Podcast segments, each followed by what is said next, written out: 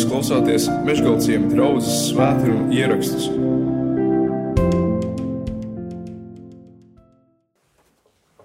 Jā, es tiešām vēlreiz gribu pateikties par pagājušās reizes tām aizlūgšanām, kā jau es sākumā teicu. Ja, es biju ļoti zemu, nokritis tādās emocijās vai sajūtās. Un, Un es mēģināju ar saviem spēkiem rāpties ārā no tās emocionālās bedres, kurā, kurā es atrados. Eh, un, un tad pēc tā dievkalpojuma eh, par mani arī aizlūdza. Un, un, un, un es aizbraucu mājās. Un man liekas, ka tajā pašā dienā es atvēru Bībeli un lasīju. Un manā lasījumā regulārajā manā lasījumā bija tieši Filipiešu vēstule. Un es viņu izlasīju cauri, un man viņa tik ļoti trāpīja, ka, ka turpmākajās dienās, vairāk tajā nākamajā nedēļā, es vairākas reizes šo vēstuli vēlreiz izlasīju cauri. Jo, ziniet, kā kādreiz ir, ka tas teksts, kurš jau tev ir simt reizes lasīts un zināms, pēkšņi kaut kādā tavās dzīves kontekstā viņš pēkšņi kļūst dzīves, viņš pēkšņi paver kaut ko jaunu vaļā un sāk runāt. Ja? Jo, redziet, Pāvils tajā brīdī, kad viņš raksta šo filipiešu vēstuli, viņš arī viņš ir apcietināts, viņš ir cietumā, viņš ir ieslodzīts, ķēdēs. Bet šajā vēstulē viņš runā par prieku. Un ļoti daudz viņš runā par prieku. Tieši par to, kas man trūka tajā iepriekšējā svētdienā. Šajā vēstulē 16 reizes, daža, dažādos locījumos, dažādos, vai nu tas ir kā darbības vārds vai kā citādāk vai ne, izteikts, 16 eh, reizes šis jēdziens par prieku, šis aicinājums uz prieku izskan. Un vēl kas bija īpašs, ko es pamanīju, ka šajā vēstulē apustulis Pāvils ir ļoti atklāts par sevi. Viņš ir ļoti personisks. Viņš pastāsta kaut kādas lietas, ko viņš citās vēstulēs nav stāstījis, varbūt par sevi. Ir vēl arī citās vietās, bet arī šeit viņš ļoti personīgi un atklāti par sevi pastāsta. Viņš sēž cietumā. Uz ko tad viņš var cerēt? Par ko tad viņš var priecāties tur esot? Un viņš pastāsta, pastāsta savu liecību par savu atgriešanos, par to, kas tad ir tas viņa dzīves centrs. Un to mēs ieraugām, kad viņš saka, tas glābšanas notikums, kas ar mani tur notika, ja tajā, tajā brīdī uz Damaskas ceļa, kad es gāju vajāt draugu, kad, kad, um, ne, kad Dievs uztaisīja apvērsumu manā, manā dzīvē, un sākās no tā brīža mana sadraudzība, mana draudzība ar Dievu. Tad, tad tas, tad Tas ir tas prieka iemesls. Un pat tas, kā tas cietums beigsies. Vai tas cietums beigsies ar to, ka durvis atvērsies un es tikšu ārā, turpināt kalpošanu, vai arī tur mana dzīve beigsies, tas vai, tam vairs nav nekādas lielas lomas. Ja? Pašā pirmajā, vēs, pirmajā nodaļā šajā vēstulē, pirmajā nodaļā, 20. un 21. 21. pantā, abu 20.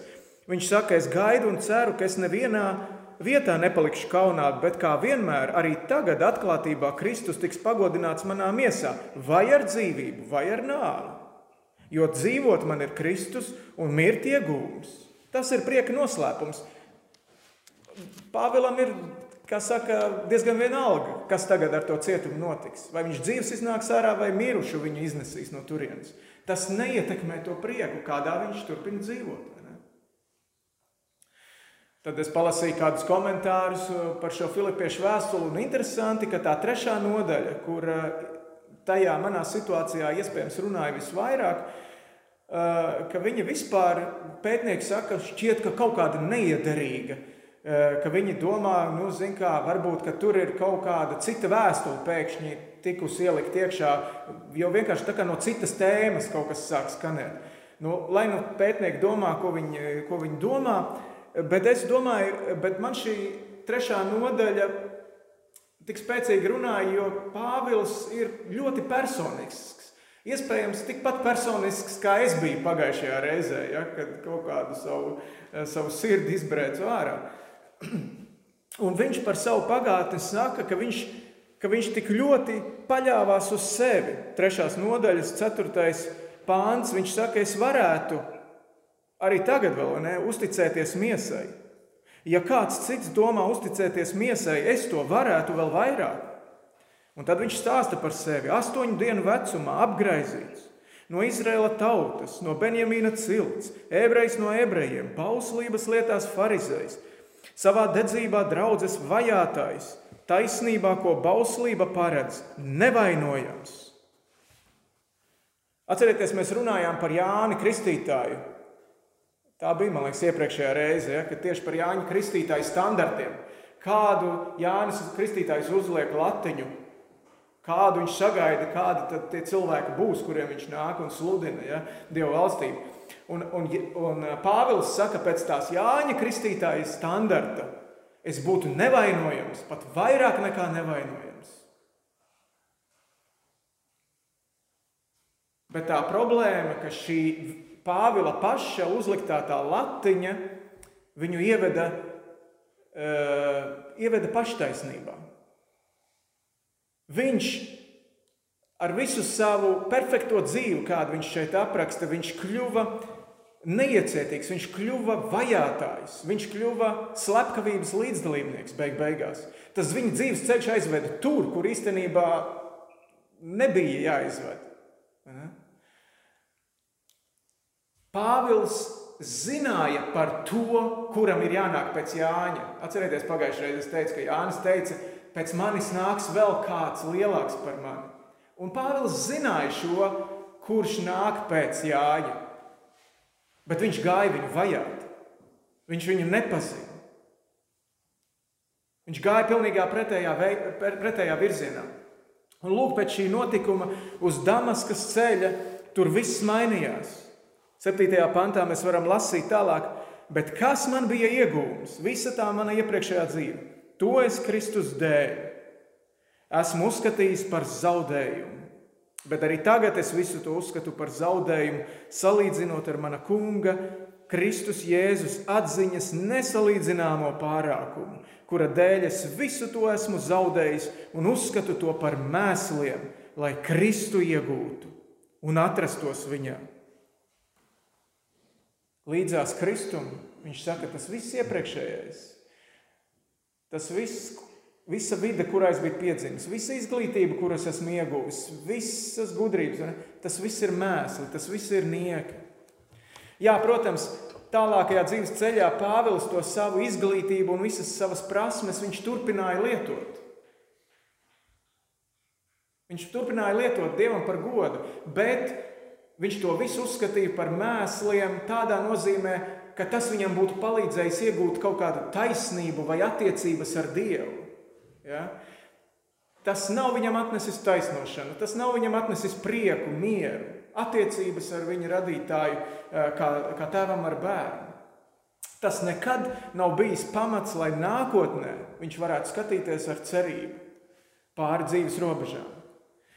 Un Pāvēlam bija jāiemācās dzīvot žēlastībā, ne savā spēkā, ne savos sasniegumos. Otrajā vēstulē korintiešiem viņš raksta atkal jā, tādas ļoti personīgas lietas. Un viņš saka, ka viņam uh, dzīvē ir tāds uh, nu, dzelonis. Ja? Lai es nepaukstinātu, 2. korintiešiem 12. nodaļa, no 7. panta, lai es nepaukstinātos īpašo atklāsmju dēļ, man ir dots dzelonis miesā Sātana eņģelis, lai tas sistu mani, ka netopu iedomīgs. Tādēļ es to kungu trīs reizes esmu lūdzis, lai tas no manis atkāptos. Un viņš, man, un viņš ir sacījis, tev pietiek ar manu žēlastību, jo mans spēks nespējā varens parādās. Ja? Kas tas bija par eņģeli, kas tas bija, kas, kas Pāvils mocīja, tur atkal domas ir visādas. Lai nu kā tas būtu, Pāvils trīs reizes nāk Dievu priekšā ar saucienu, atbrīvo mani no tā, un, un Dievs saka, tev pietiek ar manu žēlastību, jo tieši tur parādās Kristus spēks, tava spēka vietā. Tad, kad tu ar savu spēku esi bankrotā, ar saviem, savām spējām, ar visu, kas tu esi, vai ne, tu esi bankrotā, tad sāk parādīties Kristus spēks. Redziet, es domāju, ka Dievs nolika Pāvilu, Dievs nolika mani, un ļoti iespējams, ka Dievs noliek kādu no jums arī šajā laikā ļoti sāpīgos brīžos, tāpēc, lai mēs vingrinātos, vai saprastu, vai mācītos dzīvot žēlastībā, lai mēs mācītos dzīvot Kristus spēkā. Tā nav pazemošana no Dieva puses, ja? ka Viņš vienkārši tev tur nomet un uzliek vēl kāju virsū. Drīzāk tā varētu būt uh, sēklas iestādīšana zemē, augsnē kas, ka, ka viena laba sēkla tiek nolikta un ziniet, tur vēl laikam ar rīkšķi vai ne tā iespiež drusciņi iekšā, lai viņa tur atrodas un kaut kas labs no turienes sāk tā, nākt ārā. Jo tad, kad es atrodos tajā zemākajā brīdī, tad es skatos uz pamatiem. Es sako, skatos uz savas ticības pamatiem, uz sākumu, es skatos uz krustu, kas ir to manu dzīvi izmainījis. Un es tajā brīdī eju mazumā. Bet tad ir šīs nodaļas tā otrā daļa, kura pagriež visu šo, šo sāpīgo pieredzi uz otru pusi. Un šī nodaļas otra puse liek skatīties mums uz priekšu. Nepalikt tur, tajās sāpēs, tajā dziļajā vietā, bet skatīties uz priekšu, skatīties uz augšu, skatīties uz nākotni. Viņi iedod cerību. Ja? Dieva žēlastība nav nekā vērta, ja tai nav augļu manā dzīvē. Un Pāvils šeit lieto ļoti tādus aktīvus un spēcīgus vārdus, tad, kad viņš runā tālāk. Viņš saka, es dzenos uz priekšu, es tiecos. No 12. panta viņš saka, nevis ka es jau to būtu saņēmis vai jau būtu pilnīgs, bet es dzenos, lai to satvertu. Tāpat kā man ir satvēris Kristus Jēzus. Brāļi, es vēl nedomāju, ka pats būtu to satvēris, bet vienu gan aizmirstams to, kas aiz manis, stiepdamies pēc tā, kas priekšā, es dzenos pretīm mērķim, goda balvai, Dieva debesu aicinājumam, Kristu Jēzu. To sākumu, to, to, to, to piedzīvoto žēlastību, to Jēzus krustu, eh, to nedrīkst pazaudēt, to nedrīkst aizmirst. 16. pantā viņš saka, to, ko esam sasnieguši, pie tā turēsimies. Bet tad, kad tu to esi satvēris, tad, kad tu tur esi, ja, tajā pazemībā pie krusta atstājis visu, nometies ceļos, atdevis, padevies Dievu priekšā, kapitulējis viņu priekšā, tad celies augšā un Dieva spēkā dodies uz priekšu, dodies uz augšu. Neaugt un palikt visu laiku ar skatienu uz atpakaļ tur uz to bedri, kur, ne, no kuras Dievs tev ir izcēlis, tas iespējams ir grēks. Tāpēc, ka tu sāc sevi žēlot. Un tad, kad tu sevi sāc žēlot, un, un, un tā, ne, tad tu atkal noliec sevi centrā. Es esmu svarīgākais. Es skatos uz sevi, vai kāds ir nabadzīgs, vai cik man grūti. Un tā tālāk. Es atkal nolieku to savu lielo ego centrā. Un Pāvils šeit saka, tālāk, viņš saka, es raudu par tādiem cilvēkiem. Ja? Eh, kuri, kuri vēl joprojām tā dzīvo. Viņu 19. pāns, viņu gals ir pazušana, viņu dievs ir vēders, ap vēderu vien te viss grozās. Ja? Kauns viņiem ir gods, viņu prāts vērsts uz zemes lietām. Ja? Bet mēs, 20. pantā, mūsu piedarība ir debesīs. Mūsu piedarība ir debesīs. Mums ir jāsāk skatīties uz priekšu, ir jāceļās augšā un jāiet uz priekšu. Eh, man ir eh, ļoti mīļas eh, vēstulē kolosiešiem dažas rindas. Tā ir nākošā vēstule šeit, kad mēs pāršķiram vienu lapu uz priekšu. Vēstule kolosiešiem sākās otrā, otrās nodaļas, 6. un 7. pāns. Saka, tad nu Kristu Jēzu pieņēmuši. Tur ir tas sākums, ja, krusts. Tad tālāk dzīvojiet viņā, sakņodamies viņā, augdami viņā, stipri kļūdami ticībā, kurā esat mācīti, pāri plūzdami savā patie, pateicībā. Trešā nodaļa no paša sākuma. Ja nu jūs ar Kristu esat augšām cēlušies, tad tiecieties pēc tā, kas augšā, kur ir Kristus, kas paaugstināts pie Dieva labās rokas. Savas domas vērsiet uz augšu, ne uz zemes lietām, jo jūs esat miruši un jūsu dzīve līdz ar Kristu apslēpta Dievā.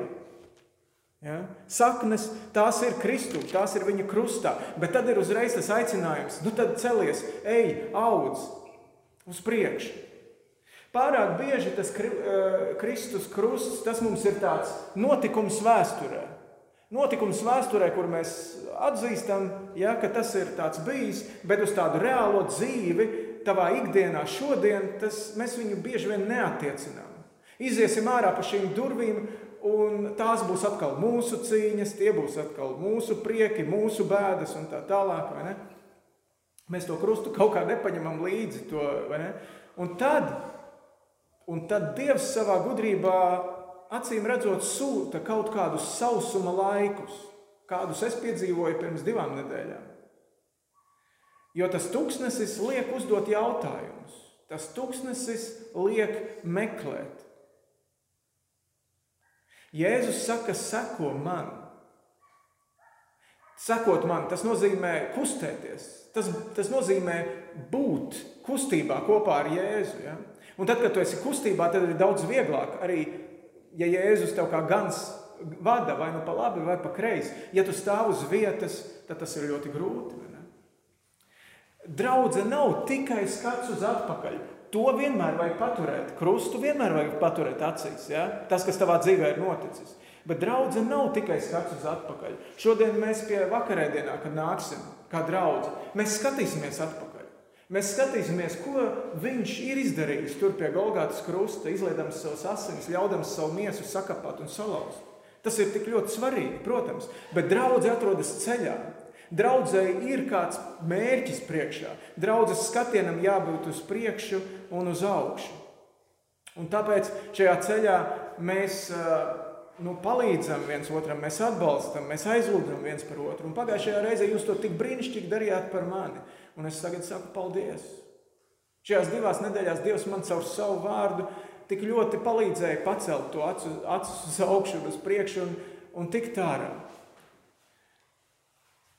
Pagājušajā nedēļā, vakardienā vakarā mēs tikai atgriezāmies no vienas nometnes, kurā mēs palikām, kurā mēs visu iepriekšējo nedēļu bijām.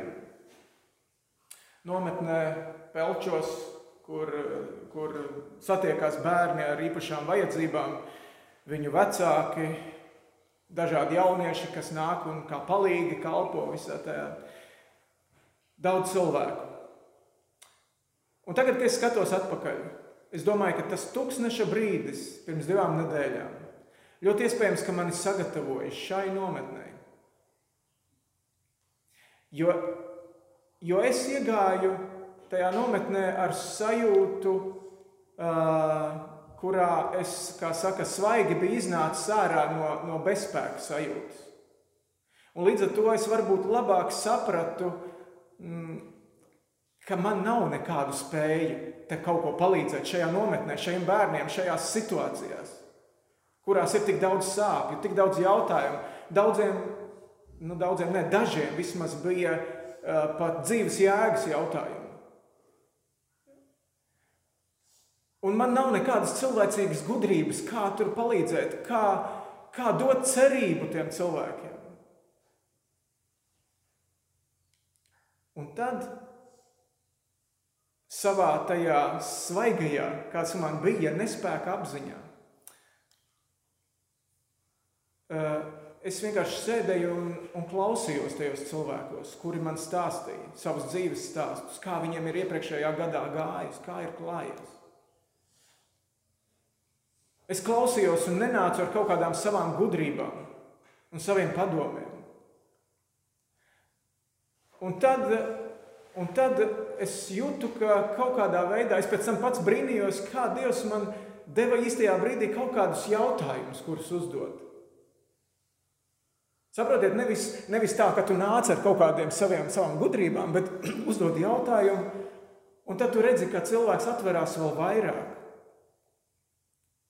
atbildot uz šo jautājumu. Un iespējams, ka, ka tādā veidā caur šiem jautājumiem un to cilvēku domām, kā atbildēt uz to, viņ, Dievs sāk viņiem atbildēt uz tām, uh, uz tām viņu problēmām un uz tiem viņu jautājumiem.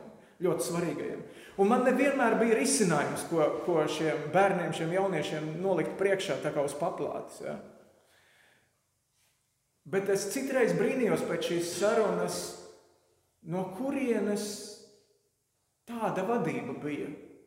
No kurienes nāca tas, kā tā saruna beidzās? Man bija jā, jāparausta pleci, es nezinu. Ja? Nu, es zinu, teiksim, tā, tas bija Dievs. Tas bija Dievs, kas uh, caur mani kaut ko varēja labu atstāt. Un tas rezultāts, pēc tam, kad mēs šeit atgriezāmies atpakaļ, tik ļoti laba pēcgarša pēc šīs nedēļas. Tik ļoti laba pēcgarša, ka, ka tā apziņa, ka tu esi ļoti labi pavadījis šo nedēļu, ka tu esi varējis būt kādam vai kādiem cilvēkiem par lielu svētību ka manā acu priekšā kādiem cilvēkiem uh, Dievs, Dievs ir sācis augt viņu dzīvēs. Pilnīgi acīm redzami. Ja? Kad cilvēki kādās pēdējā dienā saka, kaut kas ir noticis, kaut kas svētīgs viņu dzīvēs. Ja? Vispirms Dievs to sāka darīt manī, caur to, to tūkstnesi, caur to, kas man nepatika. Bet pateicoties jums, jūsu aizlūgšanā, pateicoties Dieva vārdam, ko Viņš man parādīja pēkšņi pagājušajā nedēļā pēc jūsu aizlūgšanas, es sapratu, jā, ka, ka vēl nākamajā nedēļā es varēju būt ļoti svētīgs tajā vietā, kur Dievs man nolika un aizsūtīja. Tāpēc paldies Dievam jā, arī par tiem zemajiem brīžiem. Bet vienkārši nebaidamies. Um, slikti ir palikt tajos zemajos brīžos. Slikti ir ilgstoši palikt. Slikti ir vienatnē tam iet cauri, varbūt. Ja? Meklējiet kādu palīdzību, meklējiet kādu uzticamu cilvēku, ar kuru Dievu kopā lūgt.